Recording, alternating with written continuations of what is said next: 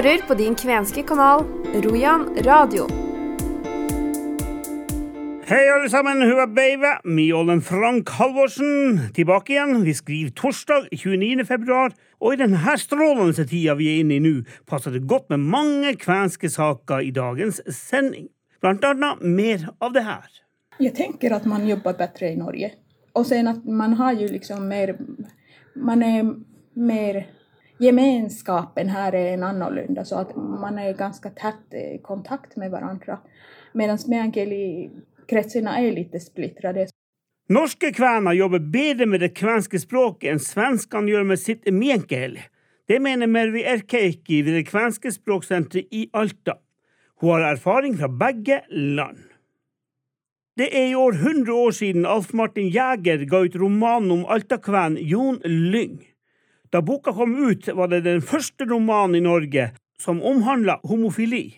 Nå er boka oversatt til kvensk av Roja forlag, og den jobben ble en skikkelig aha-opplevelse for oversetter Anna-Kajsa Resenen ved Kvensk institutt i Børselv.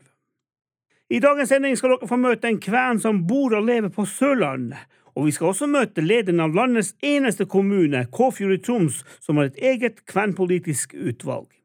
Det her og mer til i dagens sending. Velkommen skal dere alle sammen være. Vi begynner likevel med en nyhetsmelding. Vilde Kristoffersen Valsø er innstilt til jobben som generalsekretær i Norske Kveners Forbund.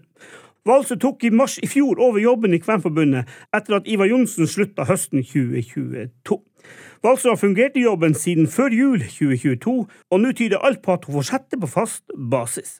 Denne gangen er det en seksårs åremålsstilling som generalsekretær hun kommer til å takke ja til. Valse har tidligere sagt til Rojan Radio at hun ønsker å fortsette, men før alt er klart, skal det gjennomføres forhandlinger mellom ledelsen i NKF og Vilde Kristoffersen Walsø. I neste uke så kommer vi tilbake til denne saken. Så til saken om hvor langt vi er kommet i kvensk språkutvikling i Norge og Sverige. En av spør om det her, det er Mervi Erkeiki fra det relativt nyåpna kvenske språksenteret i Alta. Jeg møtte henne for litt siden for å snakke om forskjellene mellom Norge og Sverige, og kvensk og miengeli. Mervi, eh, du, du, kommer fra Sverige. Ja. Du er i Norge og jobber. Alt har med kvensk å gjøre. Miengeli kvensk å gjøre. Hvordan ser det ut i Sverige i forhold til Norge, og motsatt eh, i forhold til det kvenske språk? Arbeidet med det kvenske språk? Jag tänker att liksom kvenska språket det, det, har gjorts mycket på norska sidan och ni har ju läromedel först och främst och språkets status, alltså det är ju nyårstal i NRK, vilket inte är en chans i, i Sveriges Television, än så länge i alla fall. Ja, knacka trä. Alltså status här är ju högre tänker jag och sen är det ju liksom en, en stor arbete som har gjorts på kvenska sidan inte minst att meänkieli har ju också gjort, men den har inte kanske fått samma möjligheter eller, eller liksom, vi är lite splittrade om man säger så. Um, så att språkets status, alltså vi, Institutet för språk och folkminne gjorde året 2020 en undersökning om uh, Sveriges fem nationella minoriteter och det som de minst visste var ju meänkieli. Och det berättar ju ganska mycket om språkets status i, i Sverige.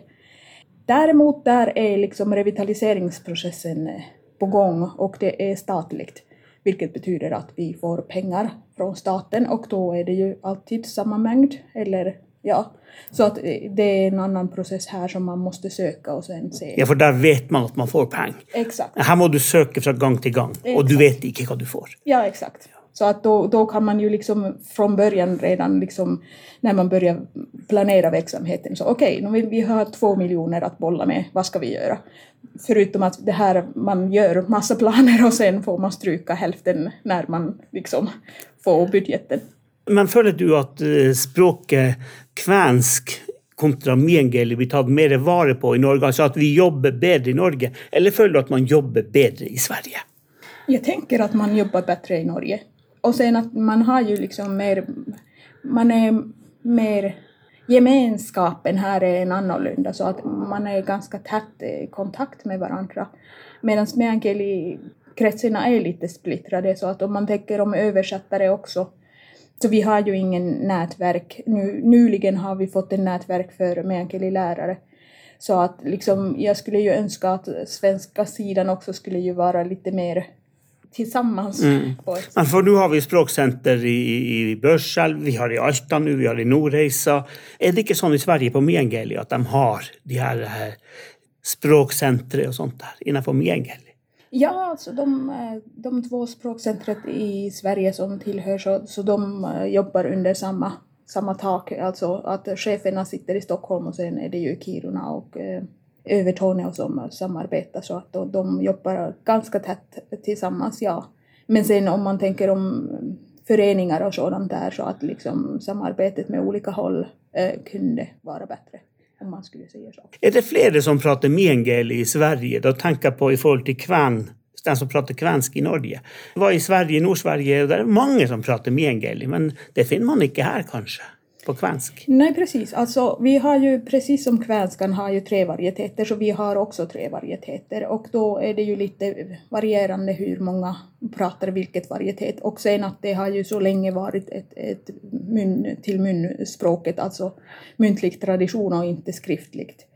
Så man kan inte ha en etnisk register om språk, alltså språkbärare i Sverige. Jag tror inte i Norge heller. Men eh, då man räknar att det är 50 till 70 000 som kan använda språket på något form. Jag tror inte att det är riktigt så högt i, Norge. Er det vanskelig å jobbe med det her kvenske? Det er så få. No, men det ändå, jag är hoppfull för att liksom, ännu har vi inte kastat handduken. Så det är lite spännande för att man får vara med från en annan vinkel. Så att liksom, där har du, i Sverige har man ju liksom redan etablerade liksom institutet för språk och folkminne och sådant. Men här, vi bygger. Och det är ju ganska spännande att vara med. Och ja, jeg er hoppfull Og, og, og som sagt når man, man har møtt mennesker og sen börjat prate om ja, men hva jobber du med Og ja men jeg jobber med kanskje Oi, med min bestemor! Og der kommer det. Så det fins jo. Det er bare å kreve fram den her i Norge også. Fra språkprat til politisk prat. For vi skal til Kåfjord kommune i Troms, der det nylig var møte i kvernpolitisk utvalg i kommunen. Kåfjord kommune er eneste kommune i landet med et sånt her utvalg.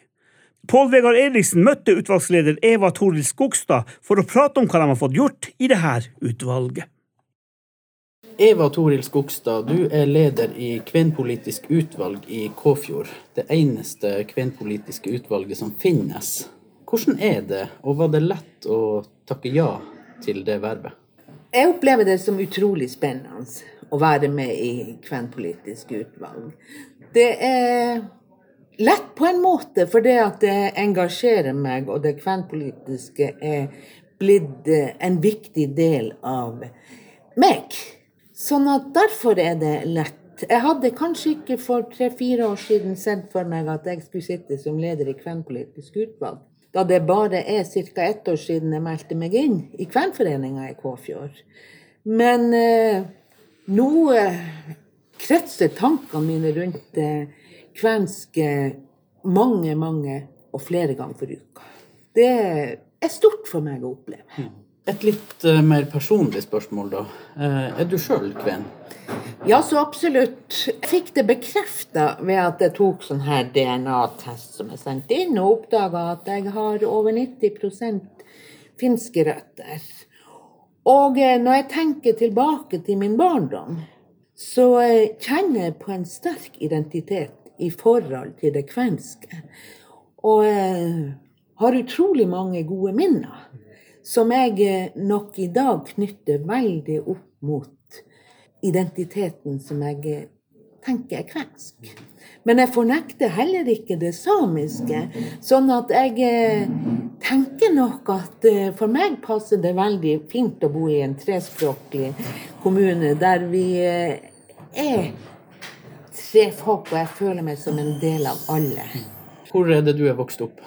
Jeg er vokst opp i, på Perteng i eh, eller i nærheten av Trollvik. Der det er alt med sjø og natur og eh, selvkost Ja, jeg eh, har sterke røtter i forhold til de tingene. Eh, Når det gjelder kvenpolitisk utvalg, er det nødvendig at en kommune som Kåfjord har et, et kvenpolitisk utvalg? Så absolutt. Det jeg, finnes det ikke tvil om lenger for meg. Når jeg ser de mulighetene som et kvenpolitisk utvalg har, der vi kan løfte saker opp, og der vi faktisk som på en måte faginstans kan komme med forslag og råd både til formannskap og kommunestyre. Vi kan sjøl velge å engasjere oss i saker som vi som ikke vi får innsendt fra andre, men som vi kan ta tak i og, eh, og si at det her ønsker vi å se nærmere på. Så vi kan løfte frem det både kvensk språk og kultur, og jeg har stor tro på at ved at vi har et kvenpolitisk utvalg i Kåfjord, så vil også det kvenske bli løfta fram på en eh, sterkere måte. Dere har jo hatt det andre møtet i dag i, i inneværende periode. da. Har du lyst til å referere litt kort fra det møtet? Ja, vi hadde seks saker oppe i dag der det ble søkt om midler til eh, Kvenfolkets dag 16. mars, som eh, Kvenforeninga har hovedansvaret for. Og det innvilga vi selvfølgelig, fordi at eh, det er jo en spesiell dag. Det er Kvenfolkets dag. Og det skulle jo bare mangle at ikke Kvenpolitisk utvalg skal bidra aktivt. Vi har jo også vært med på møter for å planlegge dagen. Så Kåfjord kommune er aktivt med i markeringen av Kvenfolkets dag. Videre så eh, fikk vi jo til disposisjon 125 000, som vi, som vi ba om å få et eget budsjett, og det ble innvilga fra formannskapet i desember. Det er ikke mye penger, men det er allikevel litt å starte med. Så der vi, går vi ut med skriv til skolene, barnehagene, Kvenforeninga og også på hjemmesida til Kåfjord at vi har litt midler til disposisjon. Så hvis det er noen som har ting de ønsker å fremme i forhold til det kvenske språk eller kultur, så er det mulig å søke midler. Sak tre var søknad om driftstilskudd til eh, Finnekapellet. Der eh, har vi eh, i Kvenpolitisk utvalg, fire mot én, gått inn for at vi anbefaler Kåfjord formannskap og, Kåfjord kommunestyre til å ta aktiv del i den prosessen der vi har eh, flere punkter vi, eh, vi kommer med hvorfor vi mener det er viktig. Og så har vi sak eh, fem, som går på Kvensk språksenter, som vi nå søker om penger til til et forprosjekt, der det er utarbeidet eh, en søknad. Og den siste saken var helseplan for Kåfjord, som er fra 2023 til 2034, tror jeg. Vi har bedt om at det kvenske også må synliggjøres i planen. Syns det har vært spennende saker, og i tillegg så kommer til å, å forespørre Kåfjord kvenforening og Halti om de kan være med på et møte i nær fremtid med Kåfjord kvenpolitisk utvalg, for å se på de funn som er gjort i forhold til eh, sannhets- og eh, Og Forsoningskommisjonen? Ja. Så da, og da ønsker vi å kanskje bidra i forhold til at Stortinget skal eh, ha møter der de skal se på saken på vår part. Etter møtet i dag så drar dere til Nordreisa. eh, Og hva skal dere der? Vi skal bli kjent med Halti og den delen som eh, Her har man jo et senter, kvensk språk og kultur, og vi ønsker å få nærmere kunnskaper om hvordan Halti driftes. Kåfjord kommune er jo medeier i Halti, og vi ønsker å få en eh, sterk delaktighet. Og så kan det jo komme et språksenter i Kåfjord etter hvert, så det kan jo være greit å få litt eh, Ja, det er jo en av grunnene til at vi skal bli bedre kjent, for å få sterkere innblikk i det. Eva Toril, eh, tusen takk for praten i dag, og så blir vi sikkert å høre mer fra deg etter hvert. Takk. Det sa Eva Toril Skogstad til Pål Vegard Eriksen. Det er i år 100 år siden Alf Martin Jæger ga ut romanen om altakven Jon Lyng. Da boka kom ut, var det den første romanen i Norge som omhandla homofili. Nå er boka oversatt til kvensk av Roja forlag, og den jobben ble en skikkelig aha-opplevelse for oversetter Anna-Kajsa Resenen ved Kvensk institutt i Børselv. Hun berømmer boka om Odd Lyng, som nå kommer ut i kvensk utgave. Odd Lyng er en fantastisk uh, bok som forteller ikke bare om den skeive historien, den også forteller om hvordan kvener ble sett i samtid i det norske samfunnet. Odd Lyng, har, at man ofte snakker om den boka som den første skeive romanen. Men samtidig er det mellom linjer uh, forteller den historien om en ung mann som er fra Nord-Norge og flytter sørover. Og der får han kontakt med andre, enten finsktalende eller kvener, som har også flyttet til industrielle områder i sør. Det defineres ikke nøyaktig hvor i Sør-Norge, men i hvert fall sør fra Nord-Norge flytter han. Og der blir han kompis med de andre som kommer fra Nord-Norge det fortelles at noen av de var kvener, noen var finskättede og noen var mest sannsynligvis samer. Også i den romanen så kommer han tilbake til hjemmebygda si. Da beskriver boka også hvordan kvenene og samene bodde uh, sammen i det området hvor han kommer ifra opprinnelig.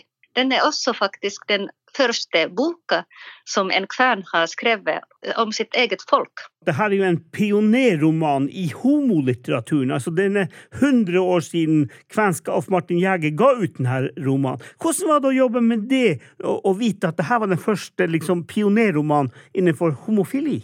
tenkte hele veien når jeg oversatte, og selvfølgelig jeg leste tekst eh, på nytt og på nytt igjen, så tenkte jeg at det er utrolig modig gjort at i den tida når det var kriminelt å være homofil, og man måtte skjule det på alle mulige måter, jeg tenker at det er utrolig fascinerende at noen torde å gjøre det. Når du jobber med de her tingene her, eh, fikk du noen sånne aha-opplevelser, noen eh, nye innfallsvinkler til det kvenske når du leser akkurat de her tingene? Var det spesielt? Ja, det som jeg sa, hvordan han beskriver den, de kvenske miljøene, mest sannsynligvis da ved, ved Altafjord, så tenker jeg at det på en måte plutselig var det naturlig. For han i den tida så var det, sam, det samhold med andre kvener var naturlig, både nord og der i sør. Han på en måte skildrer den det samholdet, samvær med andre som kom også fra det minoritetsmiljøet. Det er en beskrivelse om å tilhøre til både eh, etnisk minoritet og seksuell minoritet. Mm. Du har sikkert ikke jobba med akkurat sånn her tematikk tidligere når du har oversett det? Nei, det er den første, første selvfølgelig. Ja. sånn sett. Den kommer ut på kvensk, og dere skal eh, Det er jo Roya forlag som gir ut denne her romanen her. Jeg tenker litt på det her. Du jobber i eh, Kvensk institutt i Børselv, og det her er jo en Odd Lyng fra Alta. Var det forskjeller der språkmessig og sånne her ting? Ja, den Alta-varianten den er ulik fra Porsanger-varianten. Selvfølgelig ikke sånn veldig ulik. Det er litt sånn noen, noen grammatikalske form som er mest uh, hvor man ser forskjellen best. Var det et problem for deg, det, da? Nei, jeg måtte bli kjent med Alta-varianten. Så jeg hørte masse gamle lydopptak. Jeg hørte på 20 timer lydopptak i fjor sommer. Så det har vært ja. en lang prosess også? Jo, det har vært en lang prosess. Men det har vært veldig interessant også å bli kjent med de kvenske, den kvenske historien i Alta. Og det var noe nytt, faktisk. Jeg visste ikke at kvensk språk var fortsatt før andre verdenskrig så sterk i Alta, spesielt i noen områder som Elvebakken og, og Ressivån. Det har vært veldig interessant å høre de stemmene av altakvener som var født på slutten av 1800-tallet og i begynnelsen av 1900-tallet, hvordan de har opplevd det å være kvener eller finsketere i det området. Anne-Kajsa, det her med å oversette, det er jo det du blant annet jobber med. Den skal gis ut nå, den her, her eh, pionerromanen, altså nu, i den nye versjonen. da. Skal du sjøl ut og, og, promotere den, eller? Vi skal til Alta nå 5. mars. 5. mars, Og så den andre plassen dere kan Kvernfestival i, i Vadsø. Når er det? Den, eh, I juni. dere skal to ganger ut og reise for å promotere boka, forstår jeg. 5. mars i Alta, Ja. og så i juni til Vadsø på Kvenfestivalen der. Ja. Ja. Vi minner om at den som er interessert i denne boka, kan møte opp på Alta bibliotek torsdag 5. mars klokka 1800, der man får møte og stille spørsmål til Andreas Vik Haugen fra forlaget og oversetter Anna-Kajsa Resenen. Nå skal vi en kjapp tur tilbake til Alta museum, der vi nok en gang skal snakke om skrot eller skatt med Kristin Nikolaisen. Skrot eller skatt, der folk tar med seg kvenske ting og tang og viser det frem, har blitt veldig populært blant kvenene i Alta. Neste utstilling av dette kaliberet kan ses i forbindelse med Kvenfolkets dag 16. mars. Skrot eller skatt? Det har vært et par stykker. Jeg har vært og sett et par stykker. Det har vært masse spennende Du ting. har det, ja? Ja, Ja. så flott, da. Vil du prøve å uttale Roskavain Aret? Roskavain Aret. Ja, da sier du det på kvensk, vet du. Skrot eller skatt. Trash or treasure. Så den også fins på tre språk, men her har vi det kvenske og engelske og Ja. norske plass. Her har vi introduksjon, hvordan det her eh, kom til. Her har du den fantastiske første gangen når han eh, Han heter Arvid Langgaard. Han kom jo til oss på ei utstilling. eh, Ja. Dolese, og så hadde han med seg en grønn og hvit kiwipose. Så sier han at eh, 'jeg har noe jeg vil gi til utstillinga', og det her det er så kvensk som du får det. Og det er det jo ikke så mange som kan si, for nettopp for den usikkerheten mange har. Men det var det her fantastiske gjenstanden du ser på bildet, og som er denne katalogen, da, det er jo en tynn trepinne, og så på den er det montert et sauehorn. Og du ser hvor slitt det er her. Det har enda ripe, og de ripene er jo etter snøret. Så det rett og slett et hvalbein som var festa på ripa. Og det er typisk kvensk. Ja, men han, han kalte det altså Det kan jo godt hende at den samiske naboen eller norske naboen hadde det samme, men for han så var det kvensk. Og det er kanskje det vi er litt opptatt av. Det er jo ikke så farlig om det er Det er jo veldig unaturlig hvis ikke vi på en måte skulle ha delt kunnskap og delt gjenstandene. Så om den ene kaller det samisk og den andre kvensk og så norsk, det er jo aldeles bare sympatisk og naturlig, vil jeg si. Men for han var det nok kvensk. Og Mm. nettopp i vår leiting etter det, og for det er interessant og folk er nysgjerrig, så har vi i dette tilfellet bedt folk å bringe inn det som for dem er kvensk. Så det som er artig, er at det gir så stort mangfold fra de gamle tingene. Og Sverre var der. Det var også så på. Ja, det er kjempeflott. Ja, flagget, og så hun unge jenta som kom med barnet Ja. som mora hadde Ja. vevd. Så du får jo stor spenn i Ja, men dere skal ha en utstilling om det her, og den utstillinga skal ikke være før eh, 16. mars, men vi kommer tilbake til den da, Ja. når det skal skje noe der. Men det, vi må si at vi har hatt en til skrot eller skatt, så den nye utstillinga blir om de nye tingene. Greit, det, men dere åpner i hvert fall eh, den utstillinga der 16. Nå drar vi langt av gårde, nærmere bestemt til Kristiansand for å møte Svein Inge Olikainen Olsen. Pål Vegar Eriksen har møtt denne karen, som har gode kvenske røtter i nord. Dette er del én av et todelers langt intervju med den reflekterte mannen fra Sørlandet. Svein Inge Ollikainen, du styrer med Kristiansand eh, protestfestival. Ja, protestfestivalen kaller vi det. Det har jeg holdt på med siden år 2000. Men hvem er Svein Inge Ollikainen? Jeg heter jo egentlig Olsen, men hadde jeg visst det jeg vet i dag, så hadde jeg nok hett Ollikainen, ja. Jeg, ja, hvem er jeg? Jeg er sørlending, men med røtter nord. Så eh, Og jeg driver som sagt med kultur, og jeg bor her med to barn. Eh, En voksen sønn som bor litt utenfor byen, og med ei finsk kone. Finlandssvensk, må jeg riktig si. Så vi snakker altså om en Kristiansand-bosatt kven. En Kristiansand-bosatt kven. Ja. Du er vokst opp her også? Jeg vokste opp her. Ja. Jeg visste ingenting om min kvenske bakgrunn før jeg begynte å skrive slektsbok. Ingen fortalte noe som helst. Men det her Ollikainen-navnet, er det Tilhører det til din slekt? Ja. Det var min eh, oldefar. Der er bilder der. En stor, stor kven fra Ili i. Eh, like utenfor Uleåborg. Vi var der oppe i fjor sommer. Dette var jo i sultetida i Finland, rundt 1870. Hvor eh, nesten alle, hele barnekull døde som barn og unge. Så han må jo ha sett at eh, hans redning var å komme seg ut av Finland og inn i Norge. Og har antageligvis vandra over Haparanda og innover. Og så fant jo jeg ut og så, Han gifta seg med, med oldemor i 1886. Og alle i familien har jo etter hvert som dette At jeg begynte å prate om dette, så visste jo alle om det. Så trodde de jo at 1886, da. Men jeg fant jo ut at han kom jo til allerede i 1870. Da hadde han jobb i kobbergruva i Kåfjord i Alta. Men da hadde han bytta navn til Andreas Olsen. Så det har han nok gjort veldig fort. Og det, etter det jeg har lest, så har jeg jo skjønt at det var det de gjorde, for det var ikke veldig populært å være finsk og komme til Norge. For de tok jo over. De var redd de skulle ta over. Badstuer overalt. Han var ikke den eneste som bytta navn på den tida, for å si det sånn? Nei, han gjorde ikke det. Du, den eh, protestfestivalen, eh, den har jo også hatt en del kvensk innhold opp gjennom årene, eller i hvert fall noen år. Så seint som i fjor, og første gang i 2005, samme året som, eh, som kvensk språk ble var det en minoritet, eller det var iallfall noe i den duren der. Det ble godkjent som minoritetsspråk? Ja, så, sånn var det, ja. Mm. Da, da, hadde jeg just funnet ut at jeg var kven. Og så sier jeg til min kollega at skal vi ta det temaet? Jeg hadde aldri hørt om kvener før, og det hadde ikke han heller. Vi tar sjansen. Og så ble det smekkfullt.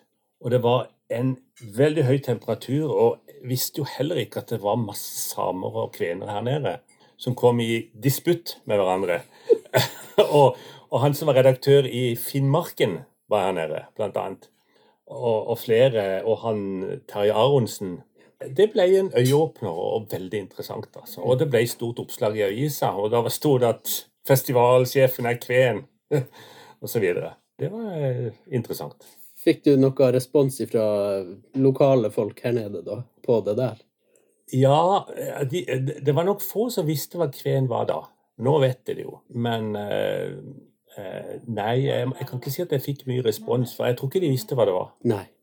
Du sa du hadde i fjor eh, noe innhold, også i 2005. Blir det noe i framtida også? Det gjør det helt sikkert. For dette er jo noe jeg tar tak i og er interessert i. Og dette med minoriteter har jo vært et tema vi har hatt. Vi har hatt om romanifolk, og vi har hatt om uh, de fleste Og i år skal vi bl.a. ha om jødene, som også er en minoritet i Norge. Ja. Vi har det med jevne mellomrom. Og ja, så ingen kan komme og beskylde deg for å ha det kvenske med bare for at du sjøl er kven? Nei, Nei. det kan jeg ikke si. Og jeg fikk jo lagd disse fire T-skjortene som jeg måtte ta på meg. for ja. Så kvensk det er noe som har eh, interessert meg veldig, altså. etter at Det, det er røttene. Det er røttene.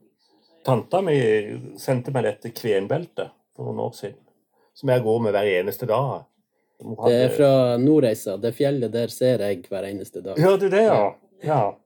Nei, jeg vet ikke hvor jeg får tak i det, men hun sendte det, sendte det ned til meg. Ja. Men de T-skjortene du har laga, jeg, ser jo på nett at du også har solgt noen av dem. Jeg har solgt ut alle. Var det, var det mange du laga? Eh, jeg måtte lage 20, så jeg tror det var det jeg lagde. Og de forsvant jo. Så det var jo Og det var jo en måte å få, få henne sjøl på. Jeg hadde lyst på ei kvenskjorte sjøl. Ja, Men jeg kunne ikke bare lage ei, for det hadde blitt for dyrt. Ja. Så dermed så lagde jeg 20, sånn at jeg kunne finansiere det. Den går jeg med, og jeg har jo et par stykker, sånn at jeg kan så gå med den og prøver å vise, vise fram da, at den er kven. Får du nå noe respons på det, da? Her nede? Ja, ja nå vet jo folk eh, de, de har jo, Noen har jo fulgt med på TV-sendinga i fjor om eh, altså den rapporten som ble lest minutt for minutt. Så det, det har jo folk fått med seg. Del to av dette intervjuet det får dere neste onsdag. Til slutt i dag skal vi ta oss tid til et nytt gjenhør med Egils språkhjørne, min gamle lærer fra barneskolen tidlig på 70-tallet, Egil Sundelin.